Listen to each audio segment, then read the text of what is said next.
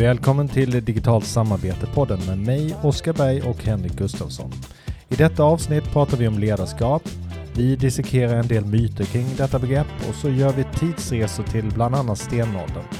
Vi frågar oss också vad kulturell konditionering har med den förhärskande synen på ledarskap att göra. Så återigen, välkommen!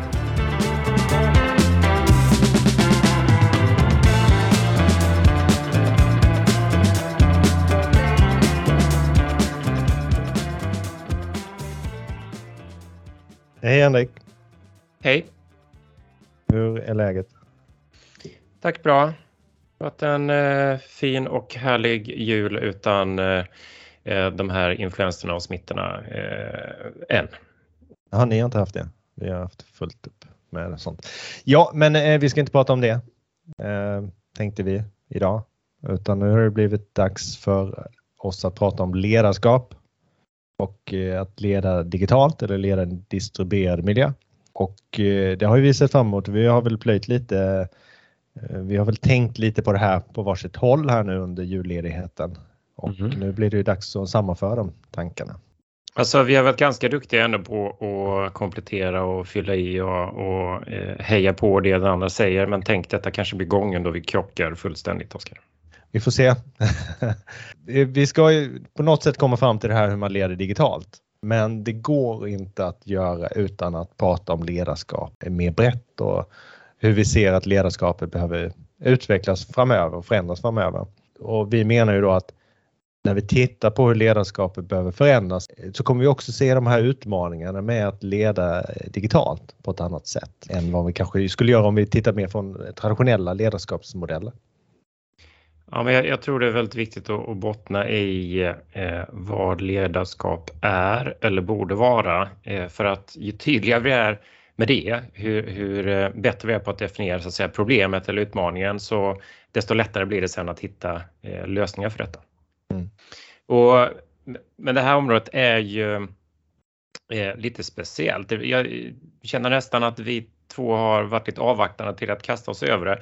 För att det är så mycket mytbildning, eh, machoskapande kring ledarskap och, och, det gör det ju intressant å ena sidan men också ganska frustrerande. Då.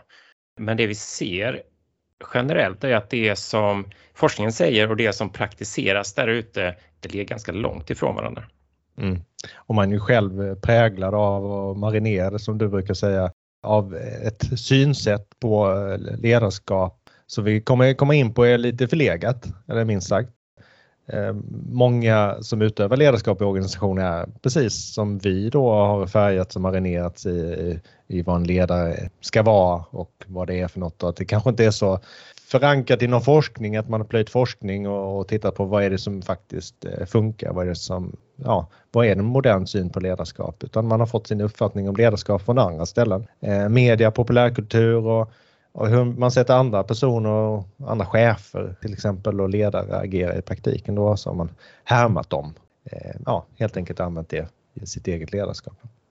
Mycket kommer ju fokusera här kring eh, samarbete och vi menar ju då att vi behöver titta på de här utmaningarna som finns kring ledarskap eh, framåt idag, framåt utifrån gruppens eller organisationens perspektiv snarare än som man ofta gör från den traditionella ledarens perspektiv. Hur ska jag leda här i den här miljön och så vidare. Det är ju gruppens prestation och framgång som är det viktiga. Det är inte ledaren och, och att den är framgångsrik. Alltså, utan ledarskapet måste funka för att gruppen ska eh, fungera. Och vi har ju en stark sån här hjältedyrkan i hela vår kultur i, i västvärlden. Så vi vill gärna att framgång ska gå härleda till enstaka individer. Alltså det är bara att se i sociala medier och på andra ställen i filmvärlden och så vidare hur starkt detta är eh, med superhjältar och framgångspodden och, och så vidare. Ja, vi kommer ju absolut att fokusera på samarbetet och sätta det i centrum och titta på ledarskap ur det perspektivet. Och det vi vill åstadkomma är ju att vi som grupp kan jobba optimalt, att alla hinder tas bort, att all friktion för att skapa värde eh, tas bort så att vi utnyttjar allas kompetenser och allas potential till max. Mm. Och eh, vi har ju båda eh, lite ryggat för att använda metaforer och analogi från sportens värld för att det är lite eh, ja, kliché ibland eh, att använda det. Men det finns ju en, det finns en pedagogisk poäng för alla känner ju till eh, sporten och fotbollen till exempel. Och det, där framgår det ju med all tydlighet hur viktig gruppen är. I fotboll till exempel så är det ju spelarnas prestation på planen som avgör om man är framgångsrik eller inte. Det är ju självklart inte tränaren eller ledaren som står vid sidan av. Även om den på, har en påverkan och kan ha en roll i det här naturligtvis. Och tränaren är ju inte heller den enda som utövar ledarskap. De har en lagkapten på, på plan och så finns det informella ledare som kliver fram under matchens gång ofta då om de ska vinna i alla fall. jag håller med, det, det finns en hel del floskler inom sportens mm. värld som, som eh, man gärna vill undvika då men eh, det som är intressant är ju att inom idrotten så blir det väldigt tydligt om man lyckas eller inte. Det är väldigt tydlig feedback så att det blir ju mm. också en, ett intressant laboratorium för olika sätt att mm. samarbeta och, och, och coacha. Mm. Och eh, tittar man närmre och fördjupar sig lite inom till exempel prestationspsykologi eh, när det gäller samarbete och, och ledarskap så, så finns det jättemycket att hämta där som känns direkt tillämpbart även för eh, oss andra då som kanske mest verkar i, i vanliga organisationer. Mm. Men en sak som jag fastnade i när, när jag tittar på en, en jättebra bok som heter Applied Sports Psychology, det är att intelligenta tränare vet att de är ytterst ansvariga för vad, vad teamet presterar. Men de vet också att den mest direkta strategin för framgång det är att utveckla ledarskapet hos atleterna i teamet. Mm. Och det är det eh, du är inne på Oskar. Och, och, jag hittade ett, eh, ett annat bra citat i den boken. Det, det var sagt av Anson Dorrance som jag har lärt mig nu är en av de mest framgångsrika tränarna i, i, i fotboll under alla tider. Mm. Eh, och han trycker också på det här och säger att den mest attraktiva typen av ledarskap för mig är spelaren som agerar som ledare på planen. Jag vill ha en drivande kraft som upprätthåller nivån och standarden under spelet. Det är så lag med vanlig talang kan vinna mästerskap. Apropå det här med division 3-laget som, som eh, går otroligt långt. Mm, precis. Det var verkligen en guldgruva att hämta saker ifrån eh, det här prestationspsykologiområdet. Då. Men ett annat citat som jag, som jag fastnade ifrån, det var en, en coach utan namn, men det kom från en undersökning. Han menar att jag vill att alla spelare ska vara ledare utifrån sina styrkor. Och det är väl också en jätteviktig poäng här nu. Det handlar inte om att alla ska bli likadana ledare, utan vi hjälps åt och bidrar med det eh, vi har att bidra, bidra med. Mm. Exakt. Vi pratar om nya tider här eh, och det handlar väldigt mycket om eh, ökad komplexitet och snabbare förändring och oförutsägbarhet och så vidare. Eh, det kräver ju naturligtvis att ledarskapet så som det har sett ut förändras. Men som vi varit inne på så kan man inte förändra man kan inte begränsa förändring till hur man leder utan man måste även reflektera över vem som leder eller vilka som leder. Det är bra om vi är tydliga där med en gång. Vår syn är att ledarskap är något som kan utvecklas genom utbildning, genom diskussioner, reflektioner och naturligtvis att man jobbar med det kontinuerligt och, och övar utför sitt ledarskap och hela tiden eh, ser över hur det går och, och jobbar vidare med det. Så det är verkligen någonting som vi kan bli bättre med genom åren. Eh, och jag hade ett annat, eh, stötte på ett annat eh, kul citat eller reflektion kring det där. Eh, den dagen du känner att du förstår det här med ledarskap, då har du inte förstått någonting. Vad bra att du inte förstår någonting då. Ja.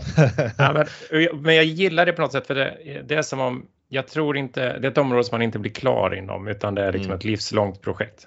Mm. Ja, man kan, kan förstå mer och mer mm. men eh, att, att tro att man har knäckt det, då, då är man nog ute på, på tunn is. Det är ju lätt att tänka att det finns eh, naturliga ledare och sådär. Liksom det, det här vi pratar om här med så att det är så djupt rotat i vår kultur och med hjältedyrkan och gärna att eh, ledare är något, det är något man föds till. Och, och det, naturligtvis är det så att vissa har haft möjlighet och, och liksom förutsättningar att utveckla en större förmåga att leda än andra. Så är, så är det naturligtvis. Eh, de har tränat mer eller hårdare än andra. De har, de har varit i miljöer där de har kunnat utveckla de här eh, ledarskapsförmågan. Därmed är det inte sagt att den fungerar i en annan miljö. Eh, utan en väldigt framgångsrik företagsledare tänker jag som, som eller entreprenör kanske inte är världens bästa ledare på dagis Eh, i en grupp med barn utan det är ju väldigt situationsberoende eh, eh, naturligtvis.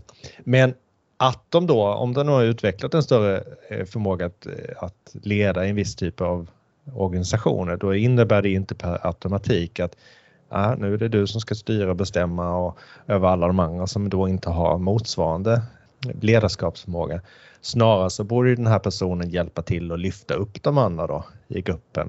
Att hjälpa dem att utveckla sin eh, ledarskapsförmåga. På så sätt gör gruppen starkare och mindre sårbar. En av de stora myterna kring ledarskap är ju det här att antingen har man det eller inte.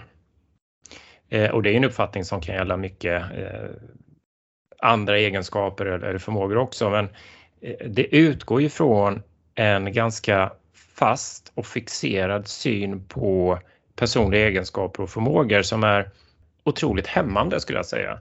Det håller mm. tillbaka lärandet och utvecklingen både på den som, som tidigt får den här etiketten sagt på, satt på sig att du är en ledare men det är också eh, väldigt hämmande för de som inte får den etiketten då. Inte är så att säga födda till ledare eller nästan dömda på förhand att inte kunna leda eller bete sig som en ledare. Eh, ja, det är, egentligen är det ju otroligt att den här synen på ledarskap eh, och liksom den individualistiska synen på ledarskap och att man föds till ledare, att leva kvar än idag. För att jag skrev för ett par veckor sedan tror jag ett inlägg på LinkedIn där jag delade och försökte få andra att säga vad är, de, vad är det de tycker är det dummaste Eh, som de hört om ledarskap och då, då valde jag att eh, dela det själv, jag själv hört som jag tycker är det dummaste jag hört om ledarskap och det, det är just att leda är något man föds till. Och det blir på något sätt ännu dummare när det sägs idag.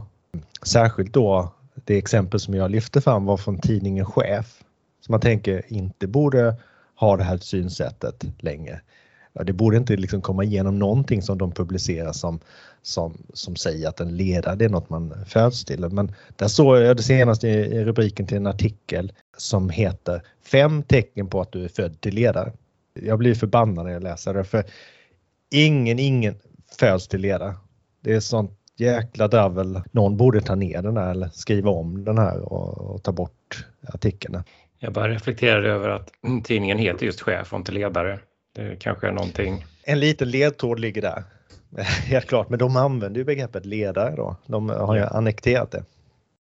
Eh, en annan sån här myt som ligger väldigt nära det här och något man stöter på om man bara söker på ledare och ledarskap så hittar man väldigt mycket om ledares kvaliteter eller vilken personlighet en ledare ska ha. Mm. Eh, ofta så beskrivs det i termer som att man ska vara dominant och handlingskraftig och beslutsfast och, och, och liknande. Eh, mm. men sällan så finns det särskilt fördjupat i varför de här kvaliteterna är bra mm. eller hur man utvecklar dem, utan det, det utgår ifrån att antingen har man det eller inte. Jag är absolut inte motståndare till att lyfta fram viktiga egenskaper hos ledare, men att då såklart se det i perspektivet att de här går att utveckla och att vi lyfter fram de som faktiskt främjar positiva resultat i grupper och för samarbeten. Som att vara till exempel tålmodig, pålitlig, ärlig, respektfull till exempel, eller vänlig, tolerant, modig och så vidare.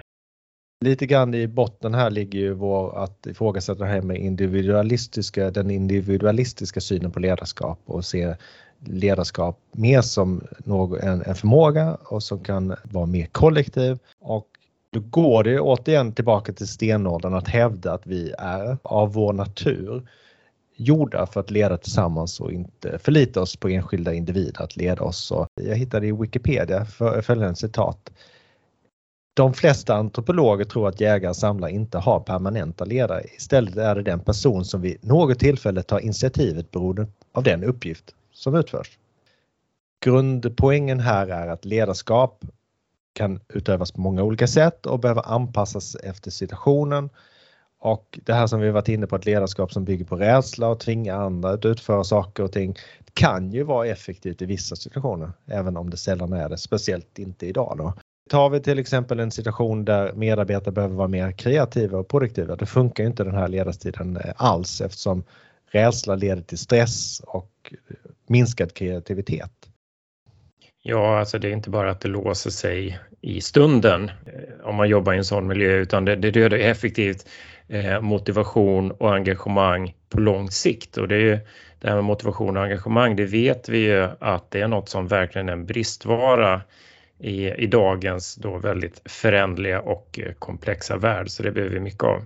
Mm. Vi kan bara kommentera här, vi pratar om situationsbaserat ledarskap och det finns ju en, en ledarskapsmodell som också heter situationsbaserat ledarskap men som handlar lite mer om att jag som coach anpassar hur jag leder någon annan beroende på hur självständig eller autonom den individen kan vara och det är ju såklart mm. inte det vi, vi pratar om här utan Nej. det är ju helt, annan, helt andra situationer.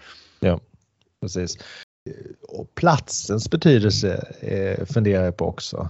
Man kan ju då spekulera i om att det var först när vi bosatte oss, när vi började odla mark och organiserade oss i samhällen som det, som det växte fram ett annat typ av ledarskap, alltså det som vi lever med idag. Det här formella, det auktoritära eh, ledarskapet, det hierarkiska. Eh, och då skapar man de här strukturerna och det behövdes kanske när vi blev bofasta, platsbundna och eh, behövde odla och eh, fördela resurser och, och, och så vidare. Det behövde en byråkrati om man säger så. Även på den här fronten då kan man ju hävda att med ett ökat platsoberoende så går vi på något sätt tillbaka till det här jägar-samlar-samhället. Det här eh, jordbrukssamhället är en väldigt kort period i människans historia. Det andra sättet att, att leda och fungera som grupp är mer naturligt för oss egentligen. Vi har ju hela tiden förflyttat oss till nya platser, jakt på föda och hjälps åt att leda och så vidare. Nej, jag bara sitter och, och nickar och tycker det är eh, otroligt intressant också att gå tillbaka till vad, hur vi fungerar som människor och vad som gjort oss framgångsrika under evolutionen. Men hur vi nästan har eh, eller hur vi kan lära oss av med saker eh, när vi får de här stora skiftningarna i samhället. Men där vi då som en konsekvens av det kanske har det här inneboende skavet och stressen och vi mår inte bra i den här eh, mer konstruerade miljön som vi har hamnat i. Mm. Men som alla andra också är i så att vi har, vi har svårt att ifrågasätta den. Vi är lite av en del, del av ett system. Tillbaka till det här, tillbaka till stenåldern och anledningen att jag, jag tar upp det här, var, en anledning är att jag hittade en eh, väldigt intressant eh, artikel av en professor i, vid eh, Hanken Business School i Helsingfors och eh, han heter Karl-Erik Sveiby. Artikeln heter The First Leadership och vad den säger det är att de ledarskapsmodeller som förs fram i då samtida ledarskapslitteratur de cementeras av citat tusentals år av kulturell konditionering. Det som vi varit inne på, vi är själva konditionerade eller vad ska man säga, marinerade och, och hjärntvättade i vad en ledare är och så vidare. Och han avser då förstås då den här underförstådda teorin att hierarkiskt ledarskap under ett befäl av en toppchef. Det är det som krävs för att, han citerar då en annan författare, förebygga organisatoriskt kaos och anarki. Det är därför vi behöver de här diktatorerna här nu och envåldshärskarna för annars blir det kaos och eh, anarki.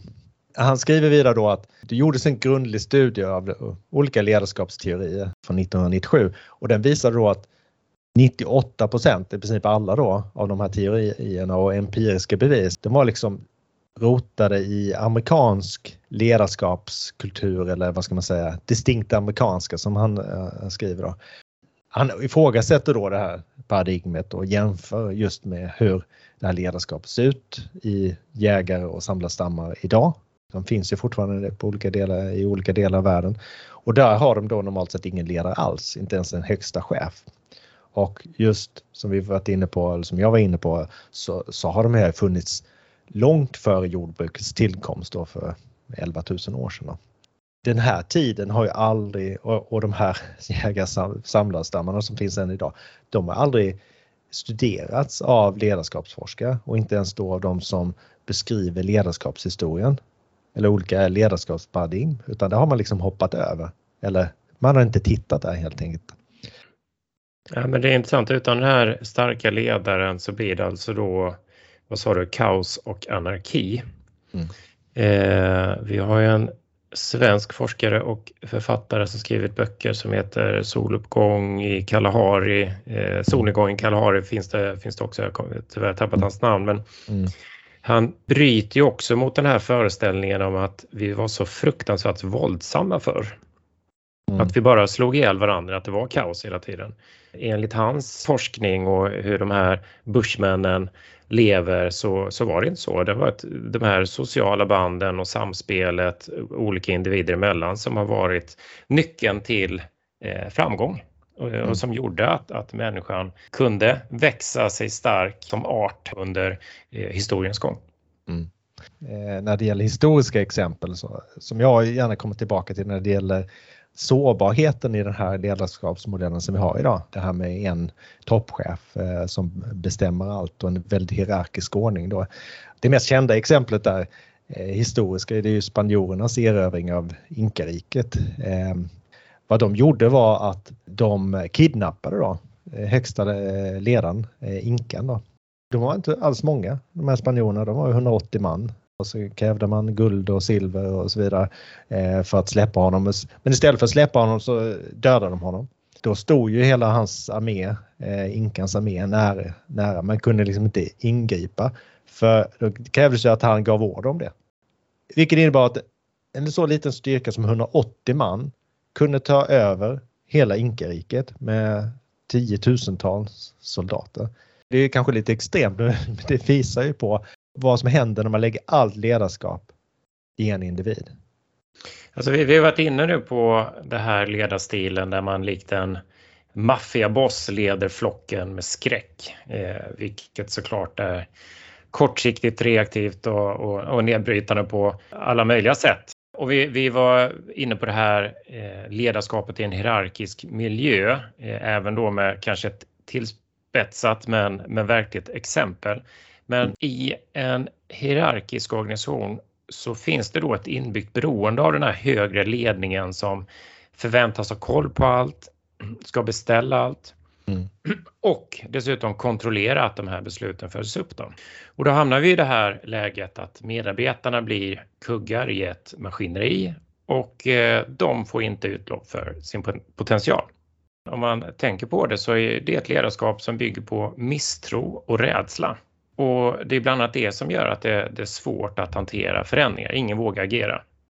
Eh, nej men jag lyssnade på en Blink i eh, Blinkist om eh, boken Leadership is half the story eh, som är skriven av någon som heter Mark Hurwitz och Samantha Hurwitz. Där lyfter de ju fram att det här med ledarskapet och att ledarskapet bestäms av relationen mellan då ledaren de följare som finns då i gruppen och situationen. Men vi tenderar att tillskriva den här faktorn, ledare, alldeles för stor roll när vi analyserar en grupps resultat och samtidigt då underskatta följarna då eh, och situationens roll eh, för ledarskapet och resultatet. När situationen förändras radikalt, ja då kräver ju det naturligtvis att följarna agerar annorlunda och ledarna agerar annorlunda och därmed ledarskapet förändras.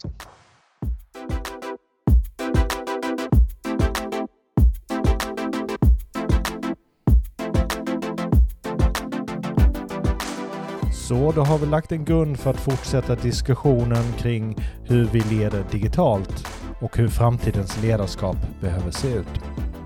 Vi hoppas att du fick med dig något vettigt från det här avsnittet och liksom vi ser fram emot nästa avsnitt. Tack för att du lyssnade.